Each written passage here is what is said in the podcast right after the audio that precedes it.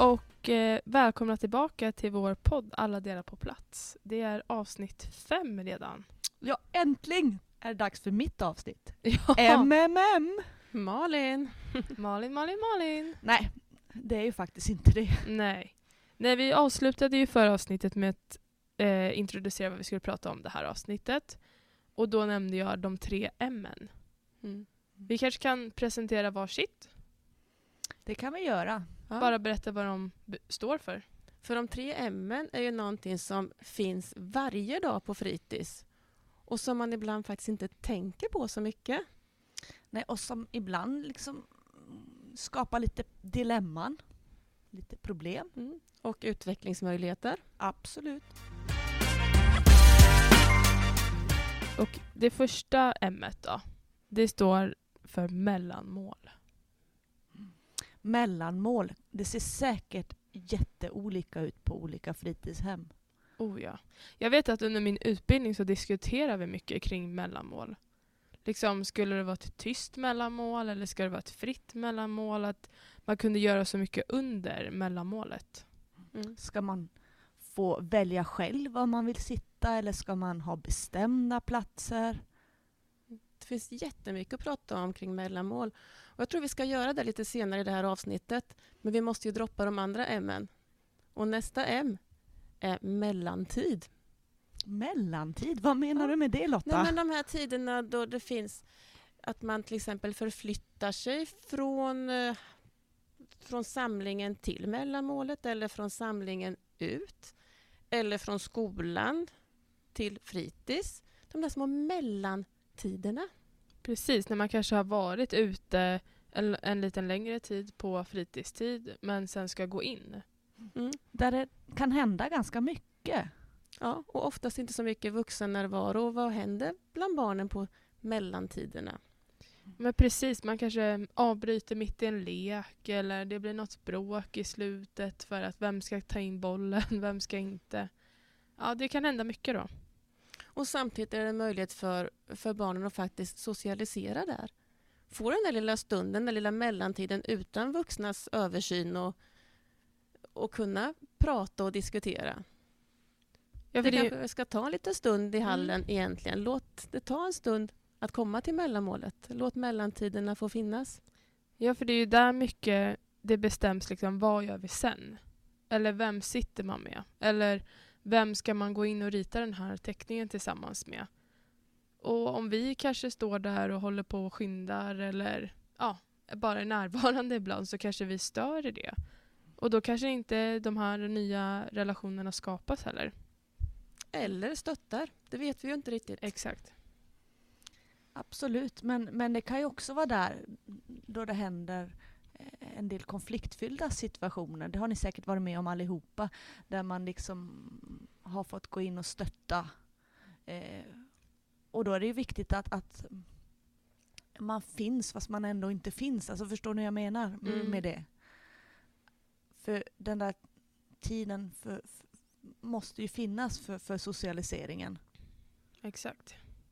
Men man vill ju inte att någon ska tycka att det är jobbigt att gå till mellanmålet eller jobbigt att gå ut och klä på sig. Nej. Så det gäller att skapa de där ramarna. Ja, precis. Frihet. Vad brukar man säga? Ansvar under Ja. frihet. Frihet under ansvar. Frihet va? under ansvar. ja. Ja. Men sen har vi mellanrum också som är det sista M. -et. Mellanrum. Och vad kan det stå för? Ja, vad menar vi med det?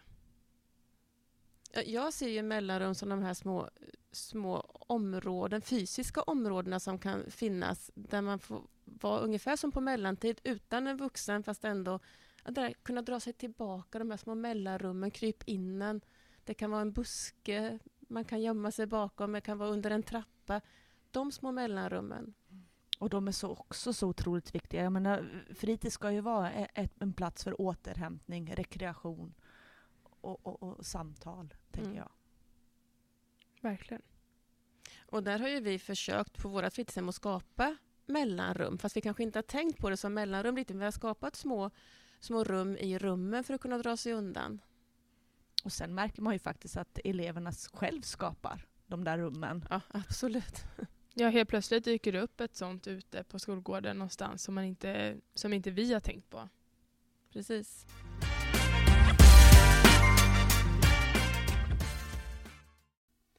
Men om vi återgår lite till mellanmål då. Vi har ju utvecklat lite när det kommer till mellanmålet för de äldre eleverna. För de slutar ju lite senare, några dagar i veckan. Och eh, då har ju vi skapat en plats eh, där de ska få göra sitt egna mellanmål. Mm. Ja, det är ju en del av våran utskolnings... Precis, ja men de får lära sig hur man tar ut och in en diskmaskin, hur man steker ett ägg, hur man gör en smoothie och diskar den smoothiemaskinen efteråt. Ja men det är väldigt både enkla och lite svårare saker. Mm. Ehm, och vi försöker lägga den nivån utifrån deras kunskap också. För vissa är det liksom att stoppa in en, en tallrik första gången nästan. Och för vissa ska de ha... ehm, jag hade en elev som ville testa baka en kaka, men vi hade inget mjöl. Och hur löste vi det? Ja, men han löste det till slut. Mm. Så att eh, de ligger ju på lite olika nivåer, men det är ju väldigt det är ju väldigt bra för de hjälper ju varandra väldigt mycket Ja, också. det är häftigt. Jag har sett så mycket bra samverkan när jag har gått förbi eh, de äldre barnens mellanmål. Där känner jag att, att, att eh, vi har någonting bra på gång. Mm. Ja, De får väl även vara med och, och, och planera vilket mellanmål de ska Ja, göra. exakt. Mm. Verkligen, så de är väldigt eh, alltså, intresserade och nyfikna. De kommer och frågar på måndag, måndagen varje vecka liksom, vad ska vi göra på den dagen, vad ska vi Mm. göra på mål, mellanmålet och sådär. Och det jag tycker är väldigt fint är att där får det ta tid. Mm. Vi har ju elever som sitter och käkar sitt mellanmål nästan en timme och sitter och pratar och, och diskuterar saker och ting. Mm. Och det får ta tid på det mellanmålet. Ja, vi vill ju att det ska kännas nästan lite som hemma. Att man kan ta en macka, sitta och käka ett tag, prata lite och sen, nej men jag går nog och hämtar en till. Mm. Utan att det ska bli stressigt kanske eller att man förväntas att duka av och så efter en viss tid. Men eh, ja, så de Mm. är, de, det är uppskattat där. Och de äldre, då tänker vi då fyra, fem eller sexor va? Exakt. Mm. Så det är ju någonting jag känner vi kan vara stolta över. Men däremot så känner jag att vi har lite utvecklingsområde på när det gäller de yngres mellanmål. Mm. Ja, vi delar ju upp dem där. Vi går ju med förskoleklass och ettan först. Ja. Och sen så går vi med tvåor och treor Mm. oftast. Och där ser det också lite olika ut. Jag menar förskoleklassen och ettan nu, just nu så, så eh, har vi ju tilldelade platser. Eh, vi har ju de här färgade konerna som vi har på, på varje bord. Mm. Där vi har eh, glasspinnar som de får dra i en påse. Så det är liksom, de får inte sitta vid samma plats varje dag utan det är färgen då som styr. Mm. Och det är en tanke med det att man ska kunna sitta tillsammans med vem som helst i sin grupp där. Att det ska skapa trygghet. Men jag är lite säk- osäker på, skapar det trygghet eller skapar det i vissa fall otrygghet att inte veta vem jag ska sitta med? Men samtidigt så får man ju alltid en plats tillsammans med några. Man blir aldrig bortvald eller eh, så. Exakt. Ja, och det Ja. har vi ju tänkt att vi också ska utvärdera här framöver. Får vi se hur vi liksom ändrar på det. Där kan ni också, ni som lyssnar på den här podden, komma med, med råd till oss. Hur gör ni? Mm. För det är ändå ett dagligt förekommande fenomen på fritids. Det är ju mellanmål. Så att vi tappar det som en pedagogisk eh, aktivitet är lite synd tycker jag. Där behöver vi jobba mer. Ja, för ibland kan man ju känna att man mest går dit för att de ska få äta mellanmål och sen så vill man gå därifrån. Mm. Alltså man känner, ja alltså varje dag har sina olika känslor liksom. Om man känner om barnen är, ja men om de har liksom lite ro och sitta kvar och käka eller om de bara vill ut och fortsätta leka. Mm. Och då tycker jag att det är ganska bra att man kan avgöra det liksom utefter barnen också. För vi har ju liksom, vi har ju skyltar i vår matsal där vi kan välja om det ska vara rött eller gult ljus brukar vi säga. Det kan, om det är rött att vi försöker vara lite tystare och lite mer matro liksom. Men jag känner också att man behö- det behöver inte alltid vara tyst. Nej, och det beror ju på liksom eh, vad pratet är. Liksom. Ibland så pratar de för att de är sprudlande glada. Ja. Och det måste man ju få vara. Det är ju Exakt. jättehärligt. Ja, så man får ju liksom känna av. Ja, känna av stämningen Ja, är så precis. otroligt viktig. Mm. Mm. Jag tänker med våra tvåor och treor, där har vi ju inte, de får ju faktiskt eh, bestämma själv var de vill sitta. Mm. Eh, där är väl den gruppen som jag tycker är svårast. Eh, hur får man till en bra mellanmålssituation för dem? Ja, för de är ju lite så mittemellan blir det ju. De är väldigt taggade på att få sitt egna mellanmål som 4, 5 och 6 har, att komma upp dit. Men de är fortfarande inte de yngsta heller, så de blir inte liksom huvudfokuset kanske på ett mellanmål.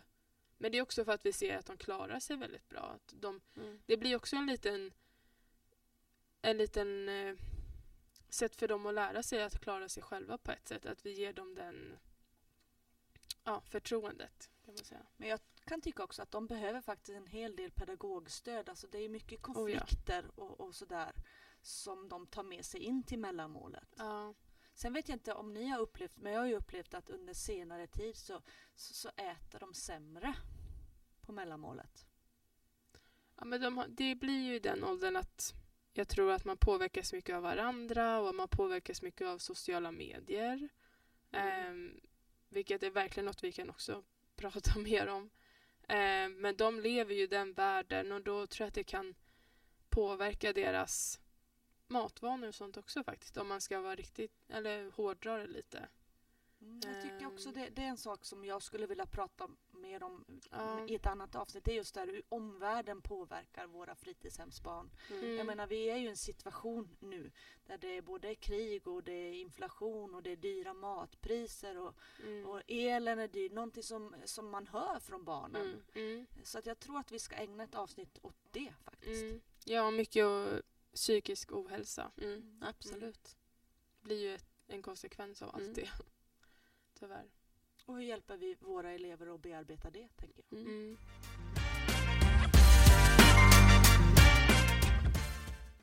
Nu pratar du ju utanför ämnet lite grann, men det måste vi få göra också.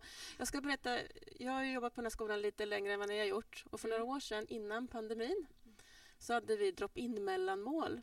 Okej. Och då, då ropade vi ut vid tre tillfällen över skolgården att nu är det tillfälle ett att gå till mellanmålet och sen tio minuter senare var det tillfälle två och tillfälle tre. Och det fungerade ganska väl. Det var lite, man, man kunde ju leka färdigt lite grann. Man behöver inte avbryta sin lek precis för att nu är det mellanmål utan man kan leka och gå nästa gång någon ropar. Och det var ganska lyckosamt och det skulle kanske vi kunna testa igen. Jag tycker det lät jättespännande. Ja. Men hur gjorde ni för att eh, liksom inte tappa någon? Det gjorde vi ju ibland. Men det gjorde vi inte. Men då kom de ju på där till nästa dag att de var väldigt hungriga när mamma eller pappa kom och hämtade eller vårdnadshavare hämtade. Och det dör man inte av att missa ett mellanmål. Men samtidigt, vi hade ju alltid någon pedagog ute. Sen hade vi inte helt koll på vilka som hade gått och ätit och vilka som kom tillbaka. Nej. Eh, det vi vann väldigt mycket på var just det här att slippa störa i leken och vi slapp väldigt mycket köbildning Ja, när man tog mat eller väntade på att få gå in till matsalen. det är sant. Men det vi tappade där under pandemin, jag vet inte egentligen varför vi tappade det, men eh, Mm. ja, mycket hän- hände då. Ja, mycket har ju hänt då och mycket behöver vi ta tillbaka som, Mm. som, som var Ja. bättre förr. Ja, vilken kliché. Men har vi något mer att säga om mellantid och mellanrum? Jag tycker mellantid och mellanrum måste få ta plats. Det är Ja. jätteviktiga arenor och det är väldigt viktigt att... Eh, Man måste planera in det ja, lite mer. För jag vet att jag, jag personligen har nog inte tänkt jättemycket på att ja, men, vi tänker att vi är ute fram till mellanmålet, sen går vi direkt dit och så tänker man att då ska man vara där på tio sekunder, men det blir ju inte riktigt så. Att vi som då pedagoger inte är så stressade utan Nej. låter det ta tid. Mm. Exakt. Och, och då kom jag på precis nu när vi står och pratar att ett mellan, en mellantid skulle kunna vara i ett drop-in mellanmål. Att den mellantiden som man får därifrån, att man bestämmer sig för att gå till mellanmålet tills att man går. Exakt.